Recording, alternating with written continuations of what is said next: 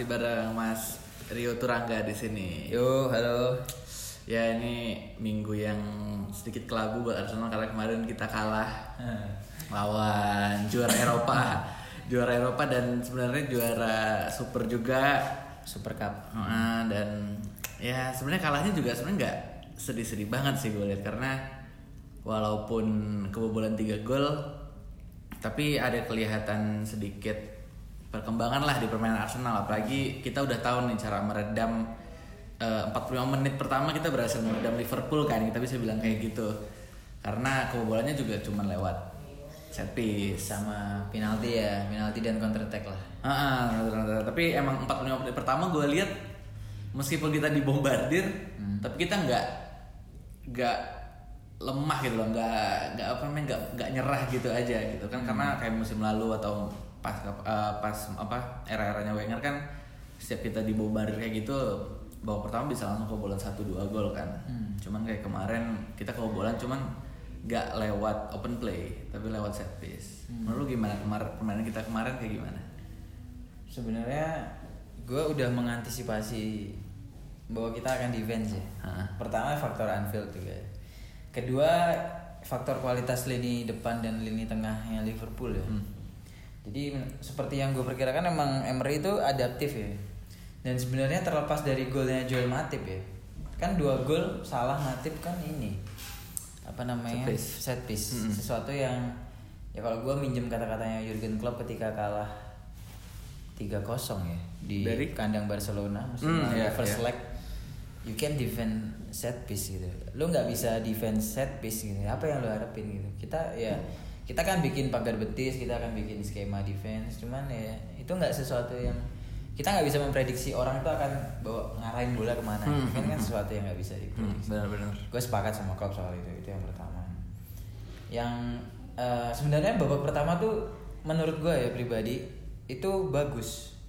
Eh, jadi ada salah satu skema yang Emery yang ini ini analisis pribadi gue ya cuman apa yang gue lihat di TV ya. Eh, kita tuh bertahan dalam yang agak gue sesalkan kenapa kita di blok sebenarnya. Karena itu terlalu dalam menurut gue Hmm. dan hanya menyisakan Aubameyang dan Pepe kan di depan. Hmm, benar. itu agak terlalu dalam. Cuman ternyata ah ini yang unik. Jadi ketika Arsenal bertahan dengan 9 pemain Arsenal tuh rapet banget di depan di tengah. Tapi memang gue akui flank itu memang menurut gue sengaja dibiarkan untuk Emery ya udah gitu. Buat dieksploitasi dua back sayap Liverpool. Makanya kan lo lihat statistik tren sama Robertson apa crossingnya baik. Dan gue sempat nge-tweet kan cepat atau lambat tuh crossing crossing ini akan membahayakan. Cuman kayak kayak menurut gue tuh Emery udah tahu gitu. Ketika lu nutup tengah ya lu akan membiarkan white space itu open gitu. Iya, betul. jadi itu kayak kayak lu terserah aja mau bikin apa. Kalau lu apa ya kalau di hidup tuh ada take and risk gitu. Ketika lu ngambil satu keputusan lu tahu kan risikonya Iya, apa. pasti. jadi ketika dia bertahan dengan sistem itu dia tahu. Dia tuh kayak seolah-olah membiarkan ya udahlah gitu. ya udah. Karena gue lihat Ainsley sama Nacho Monreal tuh main di lebih ke tengah. Ke tengah, ha. karena memang dia tahu ya trio Liverpool ini kalau dikasih ruang di depan kotak penalti atau di sela-sela half space itu emang bahaya banget. Iya sama. Kayak gol salah lah. ya. tiga-tiganya tuh punya skill individu. Kalau lu lihat Firmino yang ngeflick bola Hmm, terus dia nendang anjir itu gua ada. Nah, ya ini ini ini ini alasan kenapa kita bertahan dalam ya mungkin itu itu itu untuk secara taktikal. Tapi di satu sisi counter attack Arsenal tuh patut gua acungi jempol ya terutama Benar, Nicolas benar, Pepe. benar. pemain pertama yang menghentikan streak Virgil van Dijk. Iya, iya. itu ya statistik sih cuman menurut gue patut dirayakan. Hmm, karena seorang Virgil van Dijk gitu, yang diagung-agungkan banget kan. Di depan Nicolas Pepe pertemuan pertamanya ya dilewati. Jadi ya udah. Terus soal hmm, kenapa ya memang disayangkan ada dua peluang ya Nicolas Pepe Dua peluang PP satu Auba tuh. dua ya dua peluang Pepe ya satu Auba sama yang oh ya dua sih yang dia ini cut inside tapi udah ditutup sama Robertson sama bolanya ngelambung Nah benar. Nah. itu menurut gua it- Auba tuh yang ini ya yang Adrian nyapu bola terus Auba dapat di cungkil Iya ya? yang Oh, di iya, iya, iya. apa di lob gitu loh. Iya, iya, itu, L1. itu, itu itu yang menurut gua juga ini juga patut disesalkan ya. Hmm. Cuman terlepas dari hal seperti itu, gue harus apresiasi ya karena kita apes aja sih sebenarnya gol Joel Iya, Matip benar, ya. benar. Eh, Van Dijk itu ngeblocking, eh, nge-screening Guendouzi.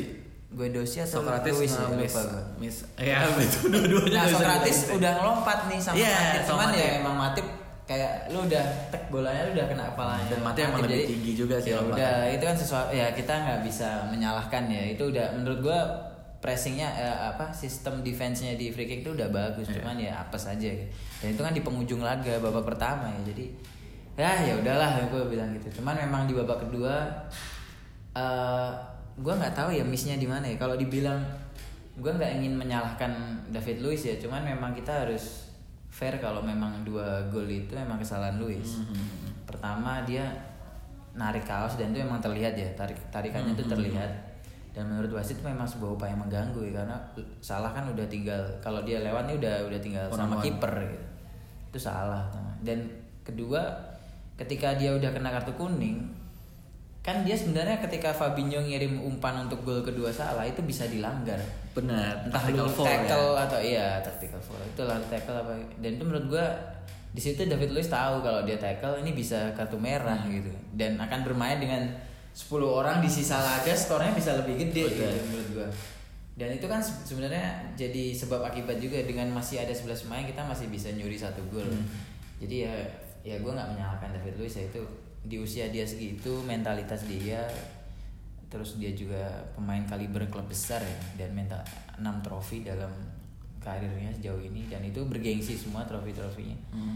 jadi gua rasa ya wajar lah. Memang kita Iya. tahu kan ketika kita beli Ruiz kan memang dia punya rekam jejak reckless kayak gitu. Jadi nggak apa-apa sih menurut gua.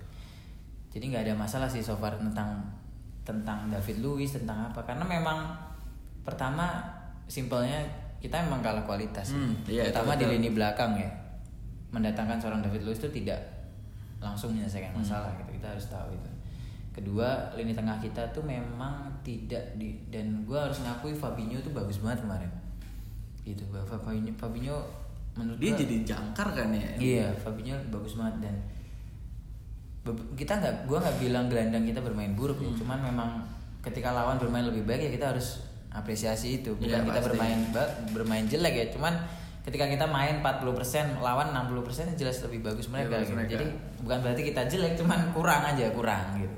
Kualitasnya kurang dan Hmm. mengakui itu dan memang sebenarnya yang outperform sih menurut gua cuman Ainsley Matt agak-agak agak Hmm. di bawah performa biasanya. Terus uh, salah satu yang menurut gue telat dimasukkan tuh Torreira Hmm. karena ketika Liverpool sering istilahnya sprint bola ke sayap ke ini ke mana Willock sama Guendouzi itu harus lari nutup Iya. ruang ya walaupun nggak langsung nutup ke flank ya. Ha-ha. cuman itu melelahkan gitu lebar lapangan tuh kan untuk di cover luas areanya Hmm. dan itu capek jadi menurut gue agak miss di lu harusnya masukin Torreira lebih cepat gitu. Iya, padahal kan Emery biasanya babak kedua main udah langsung gantian kan. Torreira atau kayaknya dia memang berharap dia kayaknya nggak expect penalti itu. Hmm, penaltinya lu salah itu sebenarnya dia nggak expect Iya, iya, at iya. least kita bisa hold on 1-0 lah gitu. Di menit sampai menit 60 65 mungkin itu feeling gue pribadi ya gue nggak tahu isi kepala Emery cuman seperti itu sebenarnya. Jadi ya, yang gue agak sesalkan sih Lacazette dan Torreira masuknya telat Iya, sama sebenarnya se- seharusnya langsung ada shifting formasi ketika dia tahu kita butuh gol dan ya udah maksud gua kayak gue bilang kan di apa review setelah babak pertama kan gue bilang ya ini, ini all in or nothing gitu kayak Hmm. main poker lu udah tinggal punya segini nih waktunya udah running out tinggal 45 menit lagi Iya. ya udah langsung aja bombing bombing langsung banyak gitu cuman memang ya ya udahlah Ya udah udah, terjadi ya. gitu Benar, tapi sa- satu highlight nih ya yang kayak tadi lu bilang PP berhasil ngelewatin Van Dijk. Iya. Emang ya mungkin fans Liverpool yang di luar sana bakal ngejek kita lah ya. Kan ada gue ada lihat satu meme yang kita lagi di bus trophy tour gitu tapi tulisannya PP has dribbled past eh, Van Dijk. Cuman yang gue lihat dari pemain PP kemarin tuh Van Dijk tuh nggak pernah se apa ya se se apa ya secapek itu loh ngejagain satu pemain. Selama gua nonton selama gua nonton Van Dijk. Sampai akhirnya gue liat PP Van Dijk tuh sampai mundar mandir terus juga dia sempat gantian tuh sama Matip kayak ah udahlah nih lu aja dulu yang jaga PP gue coba jaga Auba tapi akhirnya dia balik lagi jaga PP tapi emang peran PP di plan kemarin tuh gokil habis sih cuman emang ya sayang aja sih. Iya. Eh, yang pas dia udah outrun si Robertson kan adep-adepan udah. itu gua sempat ngira wah gol nih karena masih kosong kosong saat itu. Iya iya iya itu yang orang sama Adrian ya. Iya, sayang dia memang ketika capping bola memang bolanya agak ada di kaki kanan dia, kaki Hmm. terlemah ya. Jadi ya udahlah. Tapi gua gua nggak bilang satu match itu kan start pertama dia ya sebagai Iya. pemain inti. Gua nggak bilang itu suatu kejelekan ya. Dan itu jujur nggak langsung buat gua pesimis sama pesimistis sama kualitas seorang Pepe. Hmm. Dia datang dengan bandrol tinggi dan gua gua tahu ya Arsenal tuh kalau udah ngeluarin bandrol tinggi dia yakin sama have faith sama orang itu dan semua transfer record kita tuh kayak gue pernah bilang di episode episode sebelumnya itu selalu worth it, gitu. Worth it, sesuai benar-benar. price tag dia Iya. gitu. Ozil, Alexis, iya, kita kan bukan tim yang didesain untuk beli main mahal jadi ketika kita beli mahal kita tahu kayak gitu itu yang pertama ya terus yang kedua kalau kita gue nggak tahu ya apakah ada yang menghujat PP ya cuman ya pesan gue sih sabar gitu Hmm. Sa- santai karena menurut gue PP itu cocok untuk counter base dan sebenarnya untuk laga-laga tandang Hmm. melawan tim Big Six atau bukan Big Six pokoknya laga-laga away di Hmm. mana kita mungkin akan main sama seperti apa yang kita lihat ketika kita ngelawan Liverpool counter base itu akan jadi makanannya PP gitu dan gua rasa kalau kita ngelawan mungkin City ya yang mungkin akan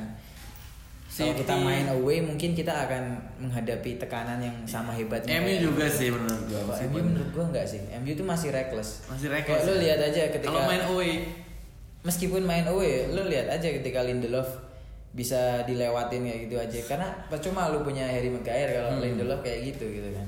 Jordan Ayew loh masih bisa. ya bener Dan lu dibobol Dia- Patrick Van Aanholt gitu. Kan gua enggak United tuh enggak sebagus itu gitu. Jadi mungkin City ya yang bikin gua ya. agak agak skeptis ya kalau Arsenal kan karena kalau main lawan City tuh mereka udah menang secara kualitas taktik, kualitas individu mereka juga menang. Benar.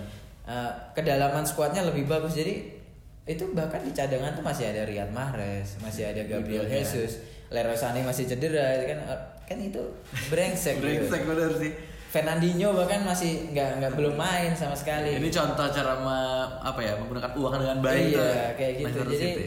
gue harus kalau mungkin lawan City sih gue mungkin kita akan sama kerepotannya. gitu. Cuman kalau untuk ya at least kan memang kata Josh Kroenke kan bertahap ya. Hmm. Kita masuk empat besar dulu. Kita mengembalikan status kita sebagai tim-tim Champions League. Hmm. Baru setelahnya squad itu akan dibenahi 2-3 tahun buat bersaing di Premier League kan. Iya. Mungkin sama kayak yang dilakukan Liverpool saat ini. Hmm.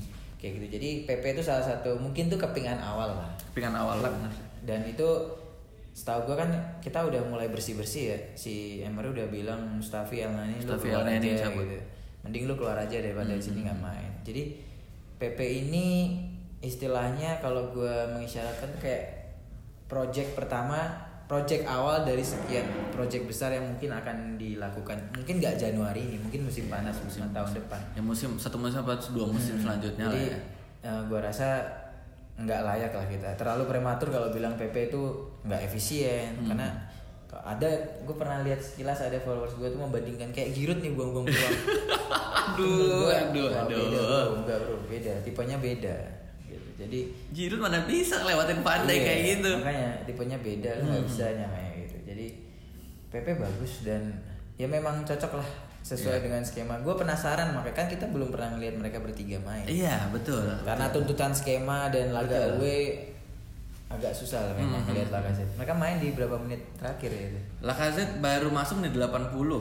PP udah nggak ada ya itu. Udah PP keluar. masih, PP masih ada, masih ada.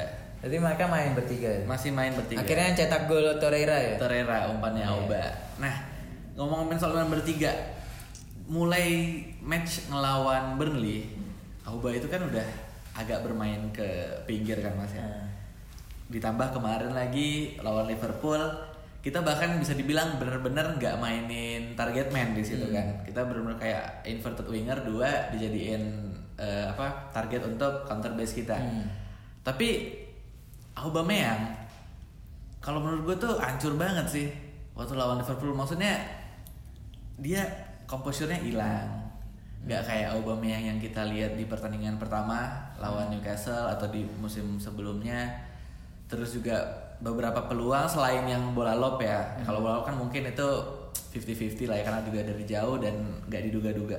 Beberapa kali ada peluang yang gue rasa expected goal itu tinggi, cuman nggak berhasil dituntaskan sama si Auba. Terus juga kontrol bolanya nggak kayak biasanya. Tapi ini terjadi ketika dia ditempatin sama si Emery di bagian sayap. Hmm. nah ini kalau misalnya mereka main bertiga gue takutnya malah Aubameyang yang musim lalu top skor kita malah redup nih cahayanya. Karena kan Lacazette emang biasanya emang jadi target man kan. Sementara kan PP mau dimainin di mana pun dia oke. Cuman Auba ini ketika main di sayap malah nggak kerasa ininya eh, performance-nya Eh, kalau bayangan gue sebenarnya Oba tuh kalau dimain dari sayap terus dia nusuk ke tengah dia udah ngasih bukti ya dari Hmm, golnya ke gawang iya, Burnley iya. ya sebenarnya. Kan dia awalnya dari kiri, tengah terus dia tiba-tiba ngelawarin shot dan masuk Ya, gitu. tapi itu cuman itu gitu. Soalnya ada beberapa peluang yang sebenarnya dia bisa nyetak cuman gagal gitu. It- ini lebih ke gimana ya? Ketika lu memang ketika lu main bertahan tuh kadang kita memang harus memanfaatkan peluang sebaik mungkin ya. Kayak mungkin kayak kayak sistemnya gini. Kita tahu nih kita akan digempur, nih. akan istilahnya dikurung lah 90 menit ya. Hmm. Jadi menurut gua lu harus striker ya terutama harus paham ketika kita dapat chance itu harus gol gitu. Iya, betul. Jadi one shot one goal lah kalau perlu. Cuman memang gue harus ngakui ya efektivitas serangan kita, efisiensi depan gawang tuh emang jelek saat lawan Liverpool. Dan itu bukan bukan bukan karena bukan karena performa ini sih menurut gue, tapi lebih ke ketika skemanya memang bertahan.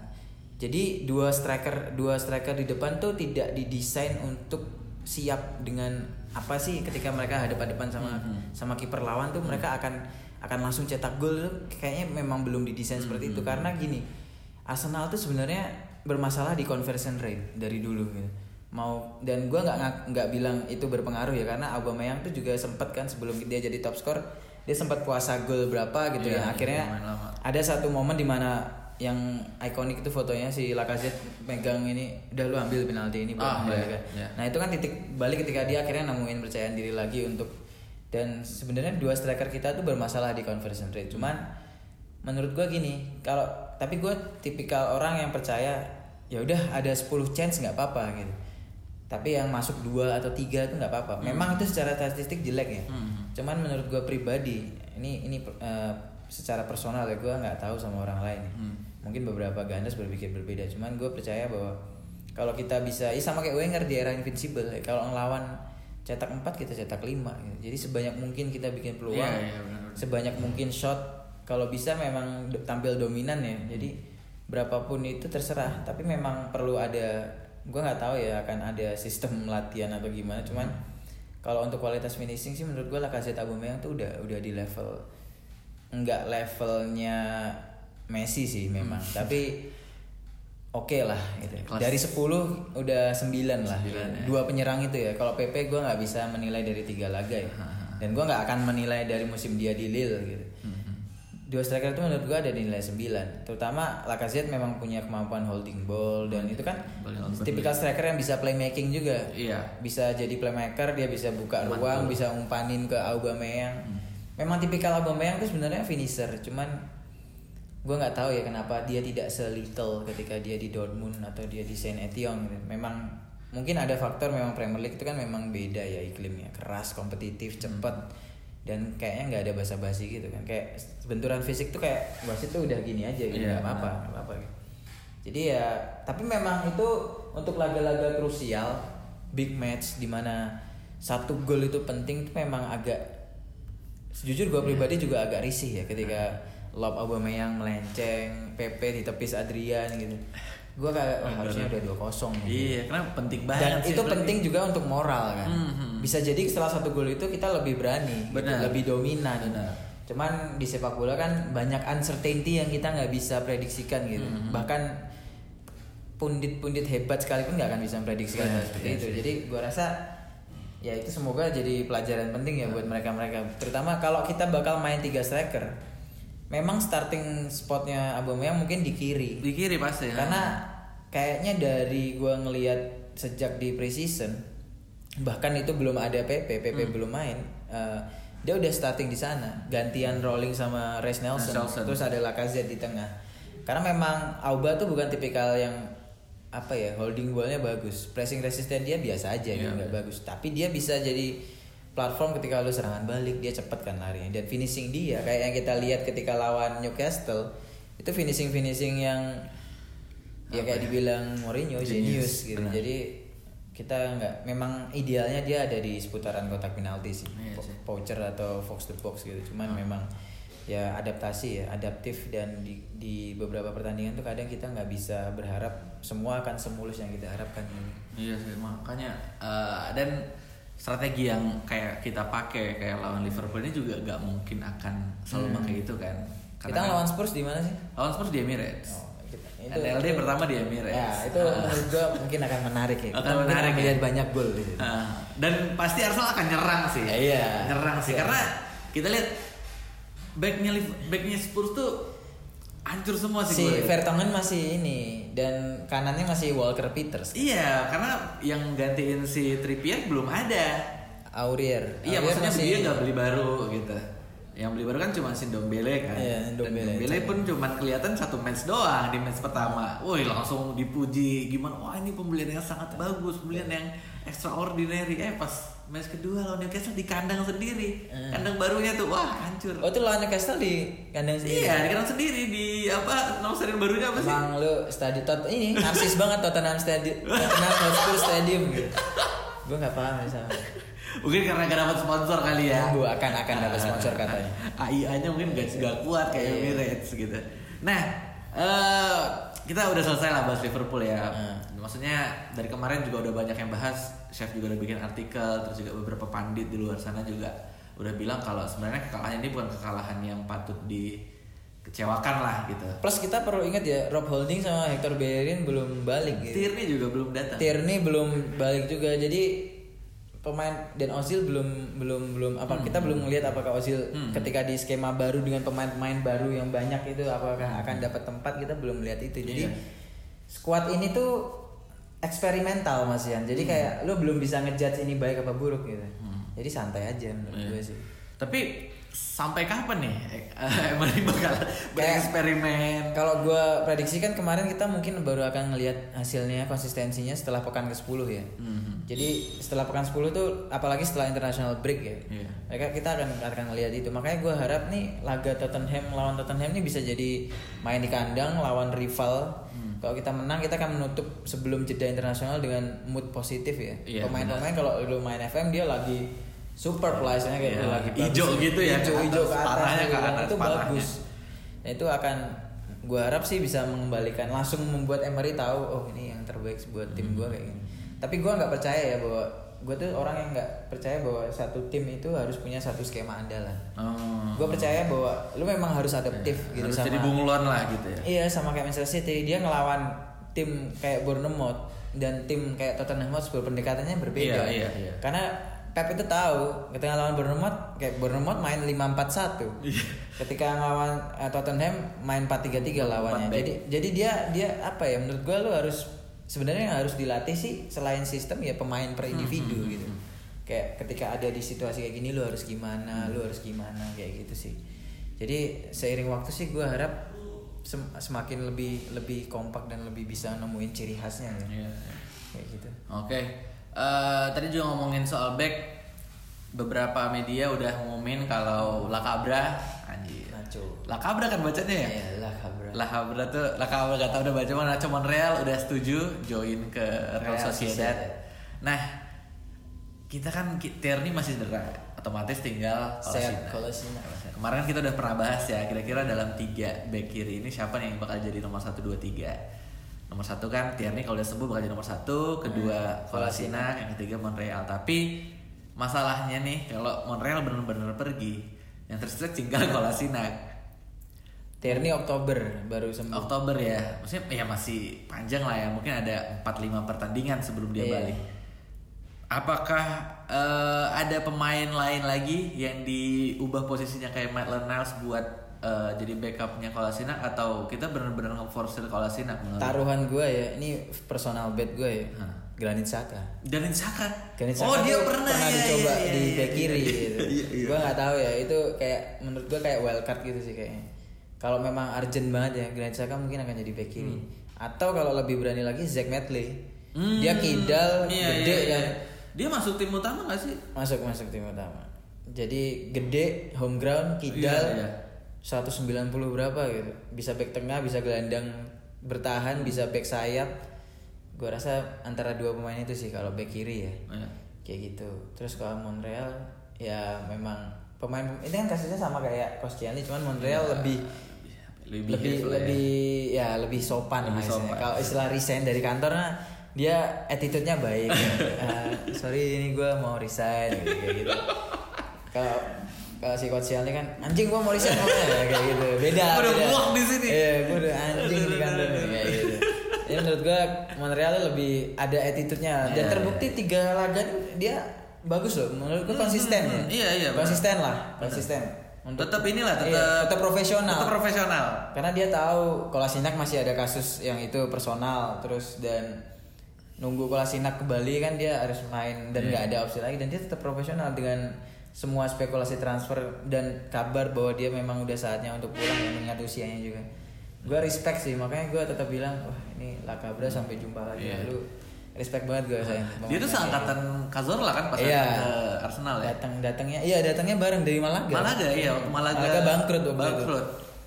Kayak gitu. Jadi ya taruhan gue Granit Xhaka atau Atau Medley. Zack Medley ya. Tapi Hmm. emang Tapi semoga Kolasinak lah, nggak ada apa-apa lah kita berdoa.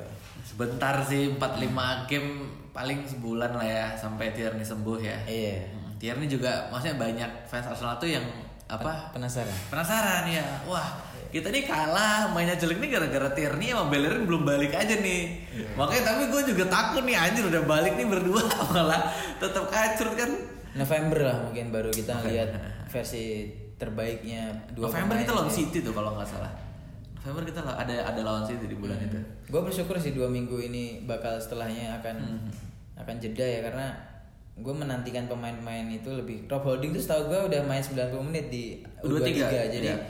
mungkin cepat atau lambat dia bakal gue gue sempat kebayang kita tiga backnya ada Holding sama Lewis dan Socrates ya cuman Hmm. memang terlalu riskan sih tapi kalau untuk melihat Holding dicadangin setelah dia sembuh cedera itu kayaknya agak aneh ya karena Iya. sebelum cedera kemarin tuh Holding bagus banget gitu sebelum dia cedera musim lalu ya Hmm. sampai jadi menurut gua akan ada satu spot entah gua nggak ada bayangannya mungkin kita main tiga back atau apa gua belum ada bayangannya tiga empat satu dua sih bayangan gua cuman nggak tahu sih kita bakal lihat lagi Iya dan baliknya Tierney, Bellerin sama Holding juga pasti ada pos di gelandang atau striker yang akan diubah-ubah juga Iya. kayak gitu karena Jadi- memang komposisi terbaik lah bakal nyari Iya, ini masalahnya nih Gunners Gunners nih pasti pada protes nih. Wah, nih kenapa nggak main nih? Lacazette nggak main nih? Kenapa Ozil nggak main nih? Kenapa Gundogan nggak main nih? Jadi wah, jadi buat Gunners Gunners nih santai aja, Bray. kayak gue bilang sih Arsenal yang ada di bayangan Gunners itu kadang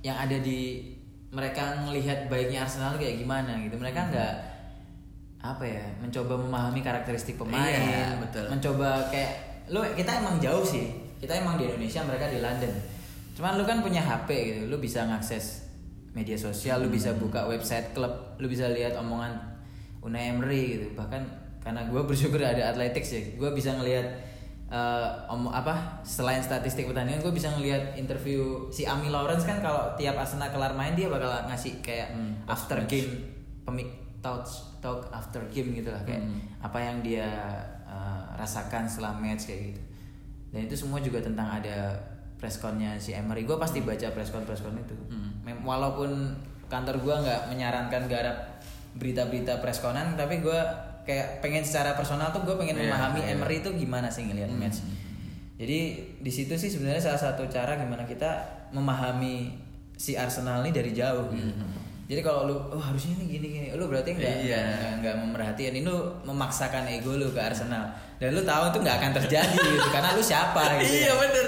Suara lu juga gak bakal nyampe ke sana. Iya kayak gitu. Jadi ya menurut gua behave lah santai. Iya, santai aja. Santai. Pasti akan ada cahaya itu akan datang, akan Iya. bersinar, Bro. Maksudnya gue liat kayak ya kayak Chelsea dulu lah ya. Chelsea yang dulunya hancur banget, Hmm. tapi dapat momennya. Terus juga Liverpool juga kemarin kan hancur-hancuran. Kan sempat dibilang tuh klub tuh nggak ngasih apa-apa, eh, tahun-tahun langsung Liga Champions. Hmm, ya, hmm. Jadi kayak ya santai gitu Ah. proses proses Iya, tenang aja, tenang aja. Mungkin dalam bayangan Gunners tuh Arsenal tuh Arsenal yang selalu nyerang, selalu Iya. yang nyetak gol. Cuman ya nggak nggak akan kayak gitu. itu pun sih. paling mereka ngelihatnya di YouTube gitu kayak kom- kompilasi gol-gol Arsenal gitu, atau kalau channel ini andalan teman-teman gue nih ini Arsenal Videos HD Oh iya, itu gue juga itu sih. lihat this is why Iya, iya, iya. Aubameyang is world class itu yang me- nggak nggak nggak jelek ya menurut Hmm. gue itu bagus ya gue juga menikmati kok eh, Arsenal main yang cantik gol-golnya bagus gitu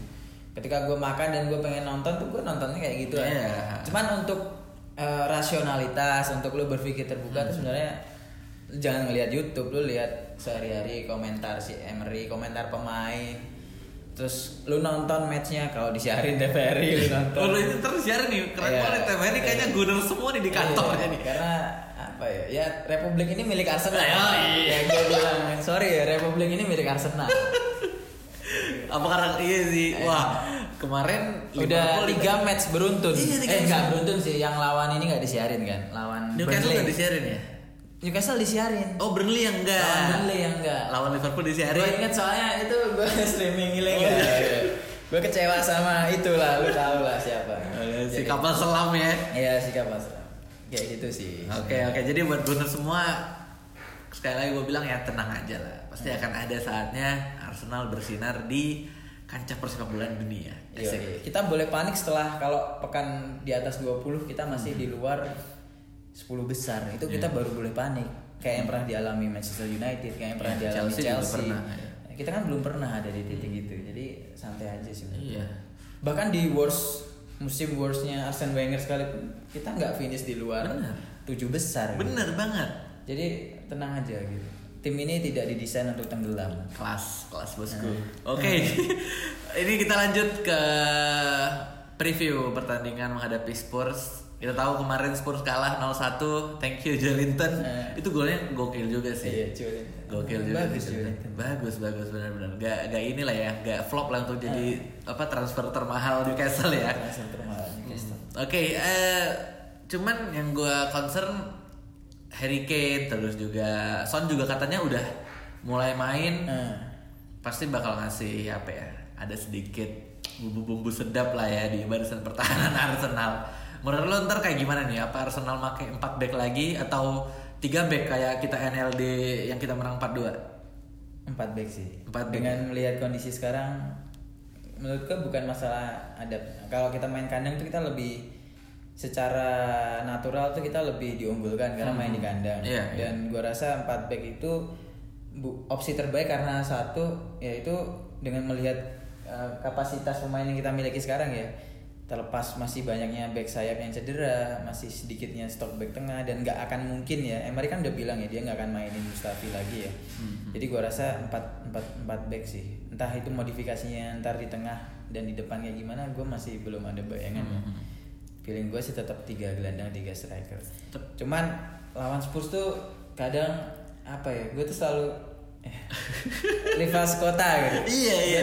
Gue kayak gue nggak suka sama Spurs tuh lebih gede daripada gue nggak suka ke MU gitu. Ah, pastilah. Menurut gua, ih, Spurs tuh kayak dan di sini tuh setahu gue cuma satu fans Spurs temen gue kenalan sih bukan teman bukan Ah. teman akrab sih itu Ma- Mas Andi Sururi Oke. ex detik gitu Mas Andi kalau dengar mohon maaf dia udah lama sih udah dari zaman Glenn Hoddle Tapi sama ada ya Teddy Sheringham ya? tapi gue respect ya sama Mas Andi karena dia udah lama dari tahun Hmm. 90-an jadi bukan baru ngefans Spurs ketika udah ada Harry Kane atau Son ya. atau zaman zaman Gareth Bale Modric itu menurut gua cupu lah Cupu lah. bahkan di era-era seperti itu mereka nggak nggak bisa juara juga buat Iya. apa gitu Paling banter yang menang lawan Inter doang udah sampai itu iya, doang. yang, Bale hat-trick. lari-lari gitu Iya. kan, kayak gitu terus kalau kalau soal preview sih melihat kekalahan Tottenham ya dari Newcastle memang Tottenham ini gua nggak tahu apakah dia terutama soal kebijakan belanjanya sih sebenarnya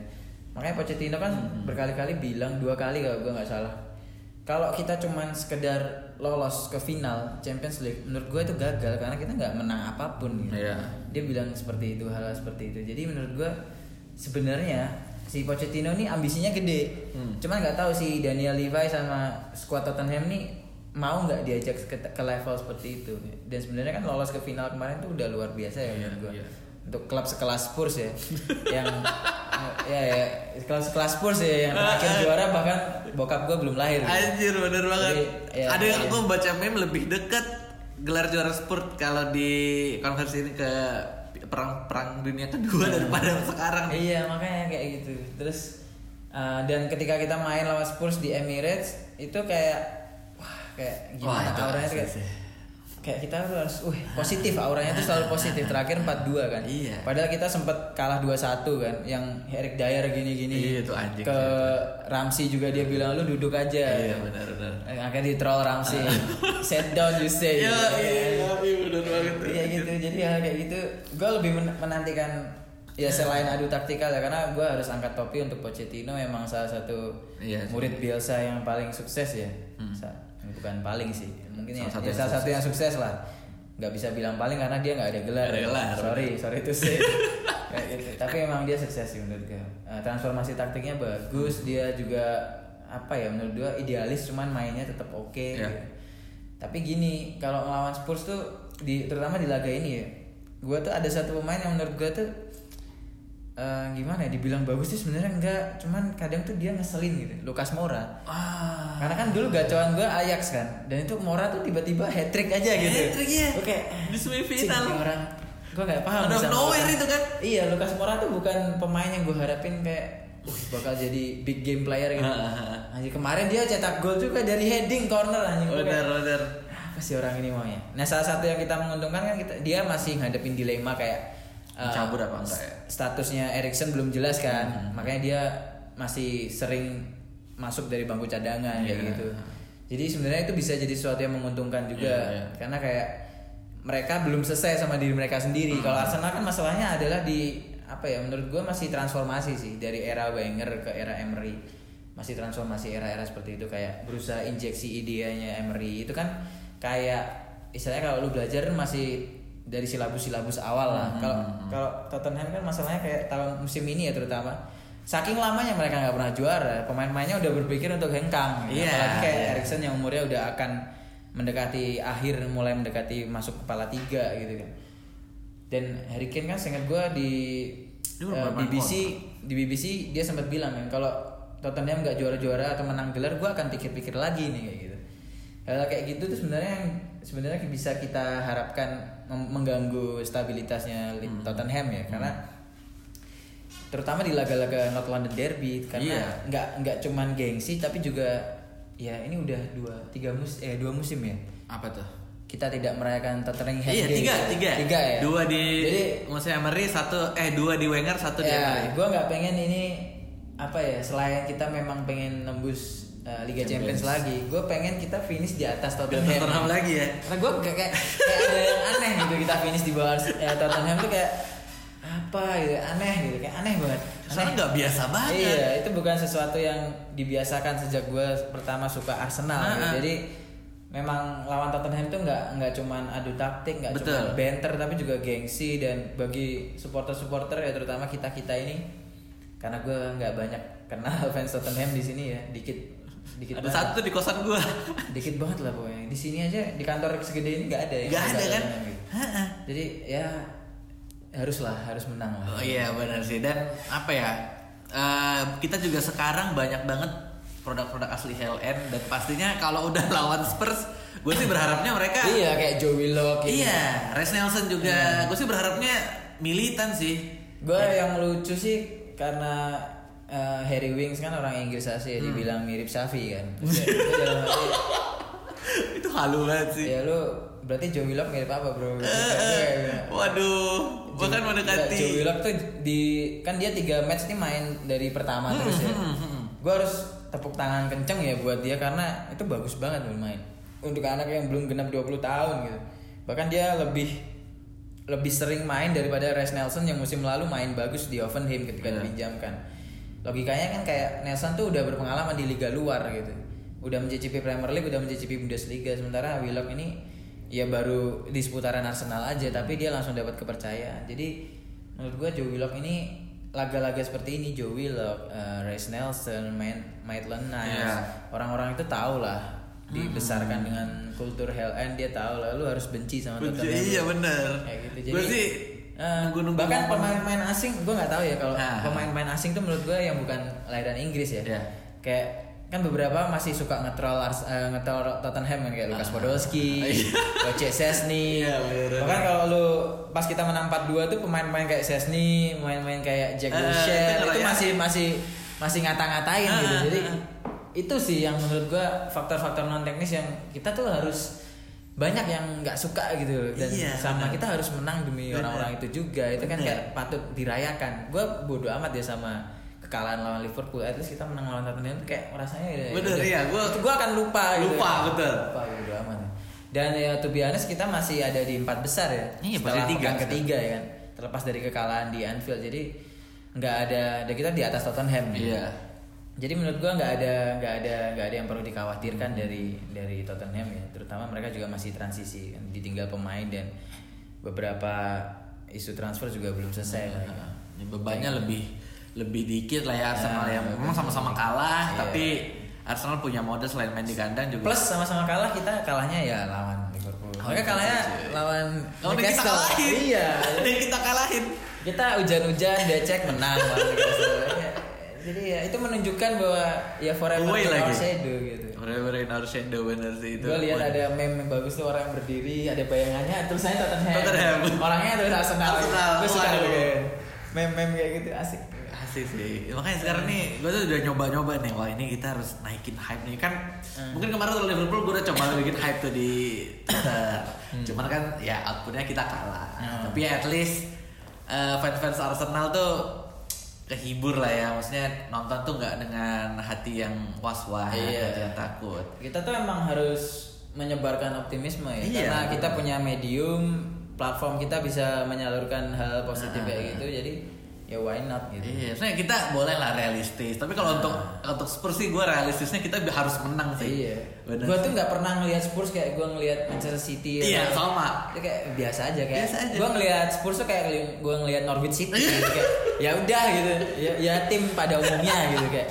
Kalau istilah orang orang orang sekitar Orang gitu. kayak, sekitar, ya iya. udah. Ya si itulah gitu.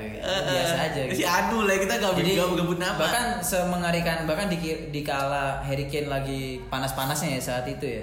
Gue nggak pernah merasa terancam dengan Hmm. hal itu karena memang ya waktu awal sejak awal gue suka Arsenal setiap ketemu Tottenham tuh gue nggak pernah merasa terancam. Iya, benar. bahkan ketika kedatangan Pochettino dan semua perubahan positif yang mereka buat ya biasa, biasa aja bener. Maksudnya, aduh ini mah bukan makanannya inilah bukan. Kita kan sebenarnya kalau boleh boleh jujur kita finish di bawah Tottenham. Itu bukan karena kita jelek, lebih jelek dari Tottenham. Itu karena kesalahan kita sendiri ya. sendiri, Kalah betul. lawan tim-tim yang Heeh. ya kayak tim-tim Burnley, Burnley, Crystal Palace gitu, Iya. Wolves gitu-gitu. Bahkan gue jujur lebih takut kita ngadepin Wolves ya daripada Tottenham karena nggak tahu kenapa Wolves tuh mengerikan aja Iya, musim kalau lalu. tim Big Six ya. Kayak gitu sih. Nah, dan perlu catatan juga selama tot- apa Tottenham nggak ada kita nggak pernah kalah dua kali juga. Iya. jadi kayak balas-balesan juga sih di kandang menang di kandang mereka kita kalah. Tapi Bukan- yang 4-2 tuh gue wah itu sih gue sampai sekarang udah bisa lupa Iya, sih rasanya sih. banget sih. Gue ingatnya eh, Aubameyang cetak dua gol kan. Hmm. dan dia dilempar kulit pisang. Iya. Bayangin lu main di Emirates lu dilempar kulit pisang sama fans Tottenham. Itu kan anjing ya kayak gitu. Anjing sih itu. tapi wih tapi kita menang 4-2 comeback pula. Comeback jadi iya. Ya gue berharap itu memori musim lalu terulang sih. Makanya kalau bisa nggak usah dikasih gol mereka gitu Iya ya ada clean sheet lah. Iya. Gue sekarang nih di FPL gue, Hmm. gue lagi bikin rule sendiri. Gue nggak akan pakai pemain Spurs dari awal. Oh kalau gue dari awal main FPL gue nggak pernah pakai pemain Spurs dan MU. Oh, seriusan Gue lo? gak pernah pakai dua karena gue gak suka dua tim ini. Ah, wah keren juga. Dan ya. itu itu selalu ini kayak orang-orang. Tapi gue kalau nulis rekomendasi gue pasti masukin Anthony Ah. Martial karena ini kan buat orang banyak. Tapi Iya. gue gak akan pakai. Gitu. Ah. Itu oh, berarti lu nggak pakai pemain MU sama Spurs? Nggak pernah pakai sama sekali sejak pertama gue main FPL 6 tahun lalu. Gue nggak pernah kayak ya enggak lah. Gue mending pakai pemain Norwich gitu. Kayak atau pemain tim-tim semenjana gitu. Kayaknya gue asik sih kalau ditiru. Gue Hmm. mungkin kemarin gue pemain MU satu doang sih. Gue beli si Wan Bisaka. Oh, gue Bisaka. gua nggak tertarik sama sekali. Nah, tapi kemarin gue udah wild card. Sekarang tuh bersih, pemain MU gak ada, Spurs gak ada juga. Kayaknya harus gue lanjutin ya. Iya, itu Bener itu ya. perlu lu coba karena Harus kayak- dipupuk dari sekarang nih. kayak lu kalau ikut apa liga-liga FPL-nya Arsenal fanbase kan syaratnya harus ada pemain Arsenal boleh Iya. nggak boleh pemain Iya, lu lu Liga Gunung lokal juga. oh iya iya Nah, nggak boleh ada pemain tim Big Six kecuali kalau lu free hit. ah iya Di free hit terserah lu. gue gue nggak ini gue memang dari awal nggak suka karena gue tuh nggak suka dua klub itu tuh emang udah kayak mendarah daging kalau MU tuh gimana ya banyak sih Iya. ceritanya kan kan di sekeliling kita sehari-hari tuh banyak fans MU ya. Iya. memang gue ngakui memang fans banyak MU dan mereka berisik Berisik bang, benar bang. dikit banget sih yang menyenangkan ya salah satunya Mas Rossi teman gue itu menyenangkan fans Hmm. MU tapi menyenangkan Terus dia yang pernah kerja di City itu ya? Eh, Mas Rossi Rossi Nur kan Rossi ya? Finza itu dari detik sekarang di kumparan Hmm. Gitu. Mas Rossi bagus gitu. Tapi dikit orang kayak dia gitu. Iya. banyaknya kan Yang brengsek gitu. iya. jadi ya udahlah gue gak akan pakai main Iya, bahkan gue tuh ada temen gue juga dia fans Barca sebenarnya. Dulu dia fans MU, cuman semenjak Messi naik dia jadi fans Barca tahun 2008 gitu lah. Nah, gue tuh sama dia sama, gue sama-sama benci sama fans MU karena bacot banget bang. Iya. Asli. Dulu kami waktu di kuliah ada eh, jadi kan ada Arsenal MU. Waktu itu Arsenal kalah tuh gue masih ingat kalah 2-0. Dia ikut bela-belain sama gue ikut nobar, ayo Ham. Kayak gue ikut sama lu nobar, gue pengen ngata-ngatain fans MU. Jadi nobar itu di aula kampus. Nah. Jadi yang ada itu UKM. Nah, dia saking bencinya sama MU sama fans fans MU yang song itu sampai dia ikutan ngechant sama fans Arsenal dan gue tuh anjing nih emang bener-bener ya ternyata emang song-song banget fans MU tuh anjing gue eh ya gila gue gak bisa itu asli sih maksudnya se sesering-seringnya fans Liverpool bawa-bawa sejarah tapi lebih ngeselin lagi kalau fans MU bawa-bawa sejarah karena udah lama banget kan soalnya kan ya kata-kata yang gue benci banget dari fans MU we are not arrogant just better gitu. Anjing. lu siapa sih anjing kayak kayak uh, ya, ya udah lah. Kesel banget sih Makanya ketika ngelihat MU terpuruk kayak gini tuh gue ya Seneng banget ya? Ya ini saatnya lu di bawah bro Ya ini realita tanpa si Alex lu nggak ke mana-mana Betul, betul, gitu. betul. Dan gue juga percaya sih Arsenal bisa lebih cepat ininya sih recovery-nya daripada MU yang ditinggal Sir Ya Alex. karena memang eh, memang kalau gue harus ngakui secara fair ya eh, board kita tuh lebih siap ya menerima Iya. perubahan. Jadi kayak gini, Wenger tuh jujur menurut gue dia resign karena memang kalah power udah di, Hmm. di di belakang meja, di belakang layarnya Arsenal dia udah kalah power. Kalau Sir Alex kan murni dia resign karena dia habis juara nih, Iya, yang ke-20 kan, trofi Momennya ke-20. pas gitu ya. Trofi ke-20 MU bikin dia nyalip Liverpool dan ya udah, ya udah gue udah selesai. gitu.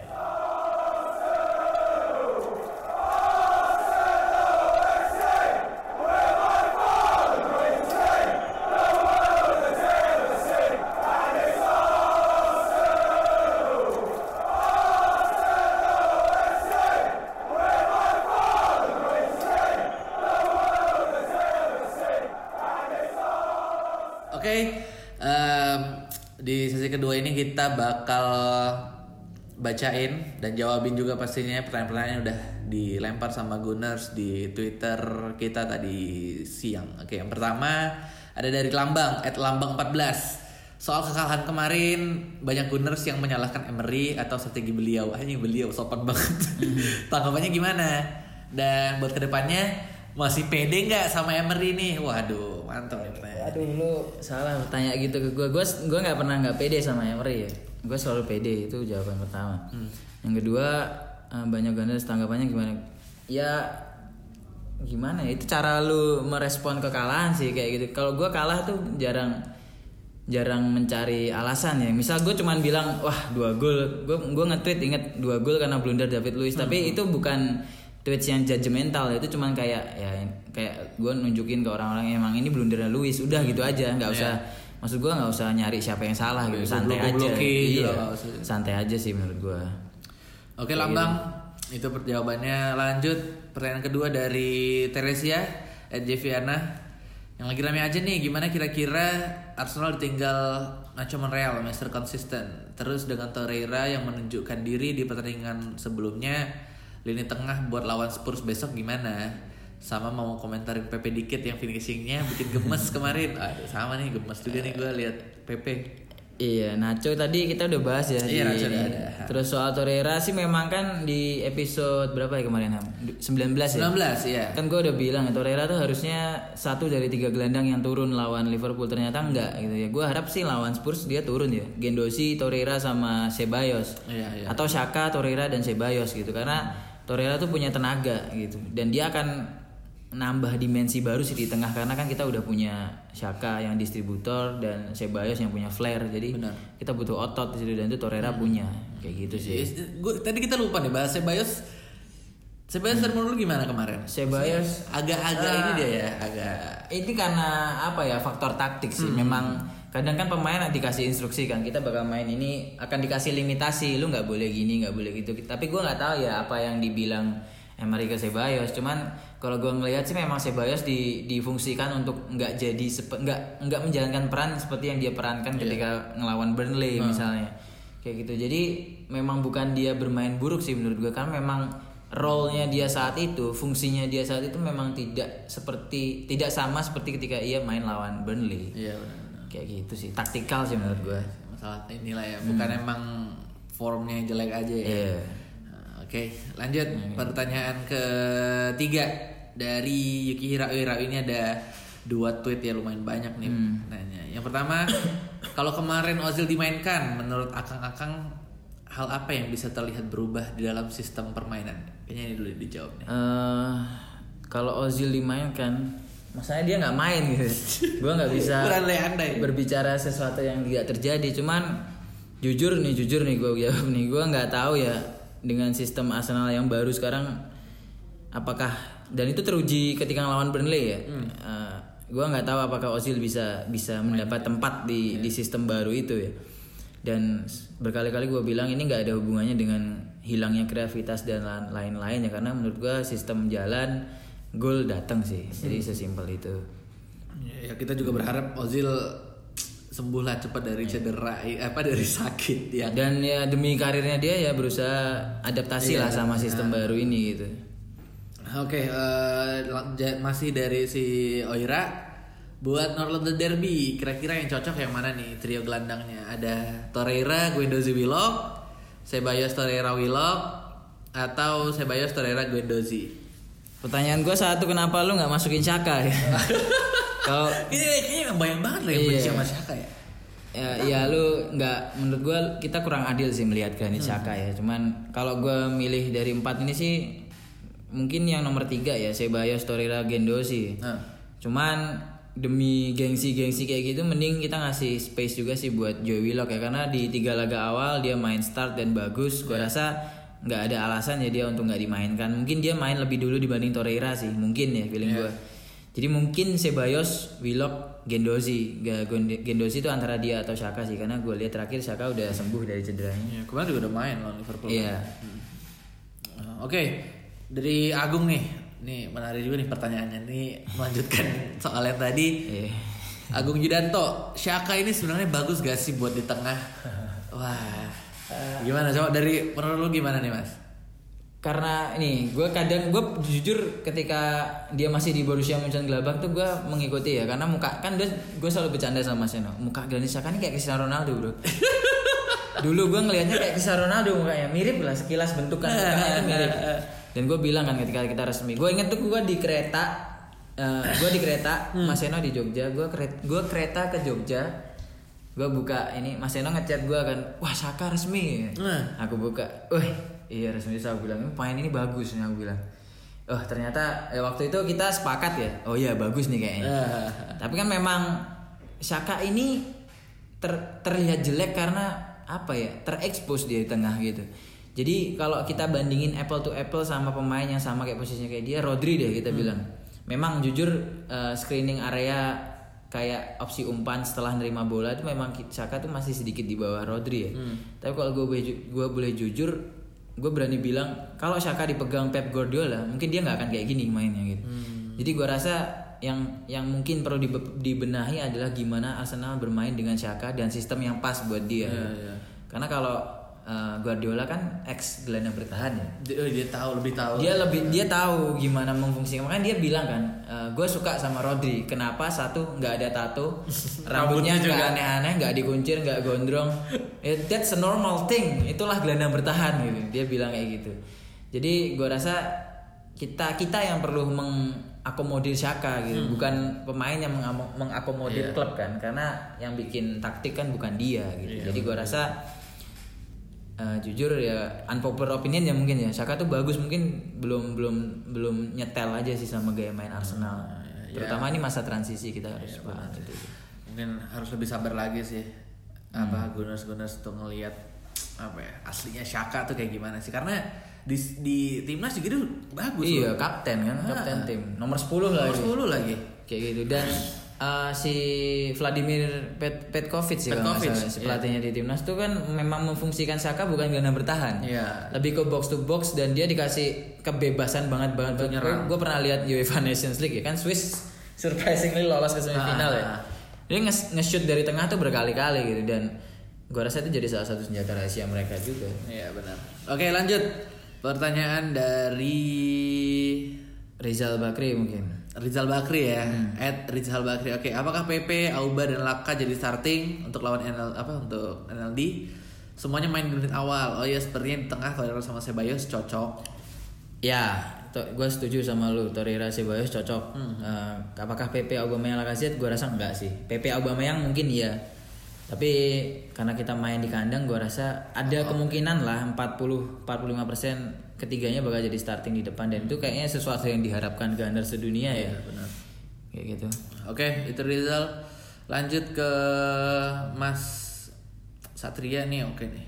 Masihkah mau pasang Luis atau mau coba Mustafi atau Monreal di tengah awal ini dia malah nyaranin dua pemain yang mau cabut nih. Fotonya Kaisang mukanya ya. Kayak iya mirip mirip bener bener Satria nih. Mustafi kan kita semua tahu ya, Emery udah mempersilahkan dia keluar jadi kita coret aja. Monreal di tengah gua gua nggak nggak nggak mendukung lah itu itu itu dosa kita kayak gitu. nggak boleh ya. Maksudnya meskipun dia sering jadi CB kemarin, Nah, selama ada Luis sih mending. iya, gua kalau dibilang masih mau pasang iya, karena kan kita nggak perlu lah ngejudge pemain dari sat- satu penampilan buruk ya, dari satu match biasa aja sih, nyantai aja. Hmm, santai aja saat. saat.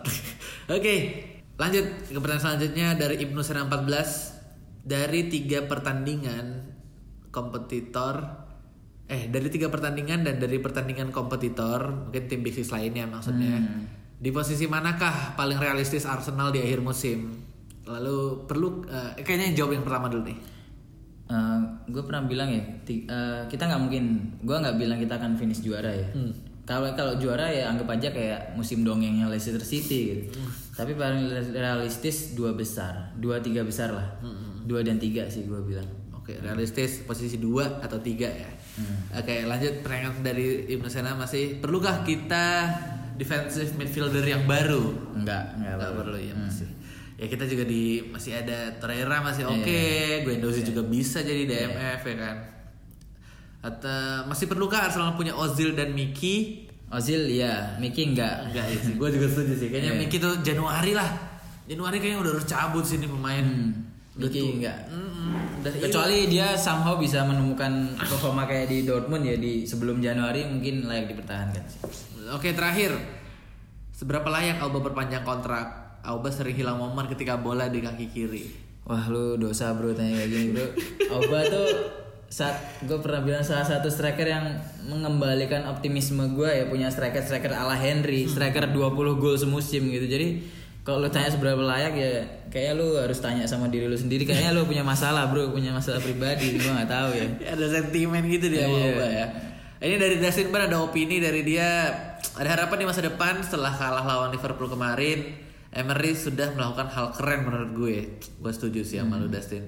Dan lawan Spurs di Emirates Bisa dihitung Spurs menang beberapa kali Masalahnya Spurs selalu di atas Arsenal 3 musim ini Dan gak ada lagi Saint Tottenham Day Ya tadi kayak gitu kita bahas sih Saint Iya, Tottenham udah Day ya. bahas. Yang penting lu percaya aja Bray Hmm. Saatnya ntar Arsenal bersinar lah sebentar lagi Hmm. Oke.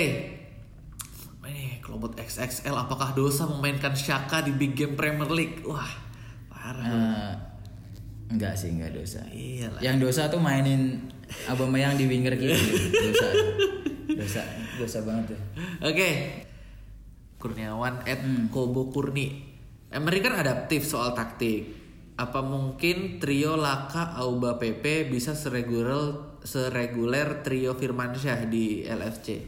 eh trio Firmansanya LFC ini dibentuk dalam waktu yang bertahap ya tiga musim ya jadi kalau kan lu tahu sendiri ya Laka Auba PP datang di waktu-waktu yang berbeda. Kalau Laka Auba memang udah klop ya kita tahu semua. Tapi mereka berdua sama PP itu kita belum tahu klop apa enggak gitu kan. Terakhir kan mereka juga main yang start bareng kan Auba sama PP jadi eh, pendekatan taktiknya beda sih Liverpool dan Arsenal. Dan gua rasa dia nggak akan jadi dia tidak kita nggak akan bermain Emery tidak akan memainkan trio itu seperti klub memainkan trio Firmansahnya jadi gua rasa nggak nggak nggak akan nggak akan seperti itu sih jadi lebih fleksibel aja sesuai kebutuhan di lapangan Ya, Oke dari Son of Tui Santuy Muhammad Bisma ada opini bahwa dia bilang bener kata anda yang di podcast sebelumnya main 4-3-3 Adul ini tengah Torreira gantiin si Guendouzi Laka gantiin Willock main counter attack menang kita punya Obala KPP Hmm. Oke, oke ini ada pertanyaan lagi nih dari Muhammad Syarif. Wah ini dia mempertanyakan keoptimisan Arsenal ya, keoptimisan Gunnar. Dari kahan kemarin, hal apa yang dapat menjadi alasan bagi Gunnar untuk optimis Arsenal bisa lebih baik dari musim lalu? Iya ngelihat bursa transfer gua pertama gua harus optimistis ya karena ngelihat bursa transfer kedua kedua eh, kekalahan lawan Liverpool itu bukan sesuatu yang menurut gua lebih memalukan MU dan Tottenham ya yang kalah di kandang masing-masing lawan tim yang gua rasa gurem gitu jadi gua rasa nggak ada alasan sih untuk kita tidak optimistis lagi ya di sisa musim ini masih tiga pekan juga Masih kan. tiga pertandingan loh. dan kita masih di empat besar gitu jadi ya, santai aja gitu. terlalu jangan jangan terlalu impulsif lah santai Iya kan pengen cepat nih kayak jadi Gunnar Gunnar sih jangan lah. Oke. Kalau- iya kalau lu pengen cepat ke ini aja City aja bro City juga Iya. kemarin seri lawan Iya. Spurs. Maksudnya nggak nggak nggak semua tim jago tuh mulus terus bro. Hmm. Santai aja. Ini dari Yuda Pratama ini teman gue nih. hmm, teman lu nih Ya, Ed Yuda Bazo. Gunners juga nih Gunners nih. Dulu gue kenal dia awalnya bukan gara-gara Arsenal. Gara-gara fans JKT48. siapa bro ini Na- Nadila Nadila atau siapa nih? anjir, anjir. Sekarang jadi eh, apa nih? Gara-gara Arsenal jadi udah pernah ketemu juga nih sama Mas Yuda. Oke. Yuda pertama, apakah PP akan menjadi pemain hebat di Arsenal? Dari pertandingan lawan Liverpool kemarin dia udah nunjukin sih tapi kurang hoki aja. Eh, ya PP bisa jadi pemain hebat dibayar mahal ya sepanjang sejarahnya Arsenal nggak pernah bayar pemain mahal dan nggak bagus gitu jadi yang ngelihat track record sejarah juga gua rasa bisa sih Iya, iya. Tapi kalau untuk jadi pemain yang bertahan lama atau jadi legenda, Ya itu nanti Itu dulu. nanti dulu lah ya. Karena kan kita termasuk uh, klub yang doyan jual juga. iya. Oke. Uh, apa ya? Atmaja mungkin ya. Oke, lanjut dari Atmaja, Kusuma Atmaja. Sisi positif apa yang bisa banget dipetik dari kekalahan kemarin? Terus apa resikonya kebobolan lebih besar lagi kalau Arsenal main open play? Ya sebenarnya pertanyaan kedua lu agak aneh sih menurut gua karena setiap sepak bola itu namanya open play gitu. Jadi kayak ya Arsenal Mungkin kalau main gua- lebih terbuka kali maksudnya, Oh nggak gitu defensif ya. kali ya. Kalau sisi positifnya gue jawab sih ini ya. Kita bisa ngelihat kalau Arsenal tuh sebenarnya nggak gagap main counter base ya, terutama sebelum kebobolan sama Matip.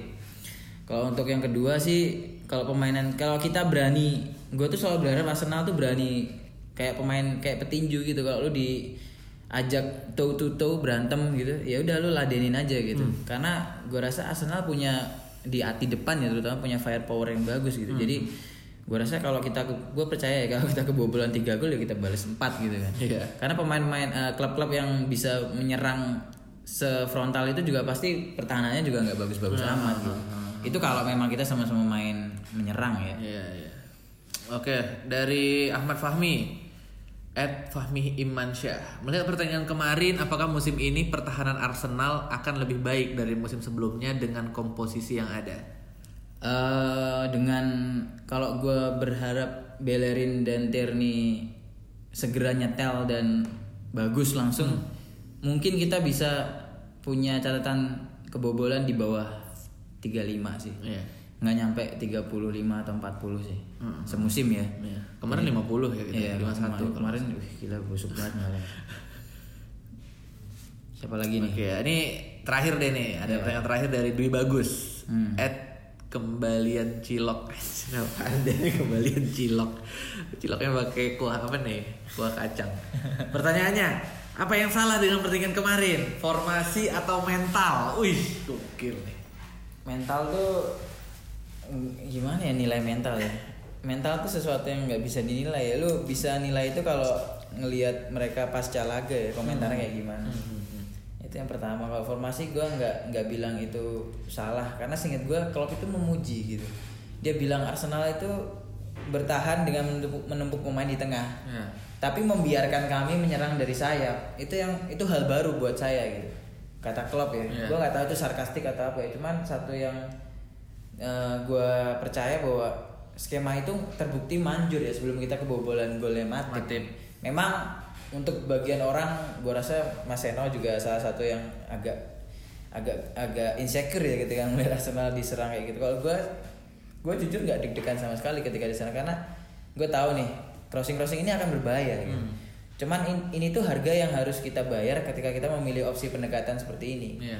Cuman kan ada satu momen di mana PP lepas dan gue jujur Betul. berharap banget sama PP. Jadi, Karena dua back sayapnya maju banget Ah, kan? iya, dan itu kan space space itu yang kemudian diserang sama Iya. sama Arsenal. Jadi gue rasa nggak bukan formasi dan mental sih lebih karena ya Liverpool memang lebih baik aja dari kita. Jadi gue rasa nggak ada yang salah dengan formasi atau mental. Gitu.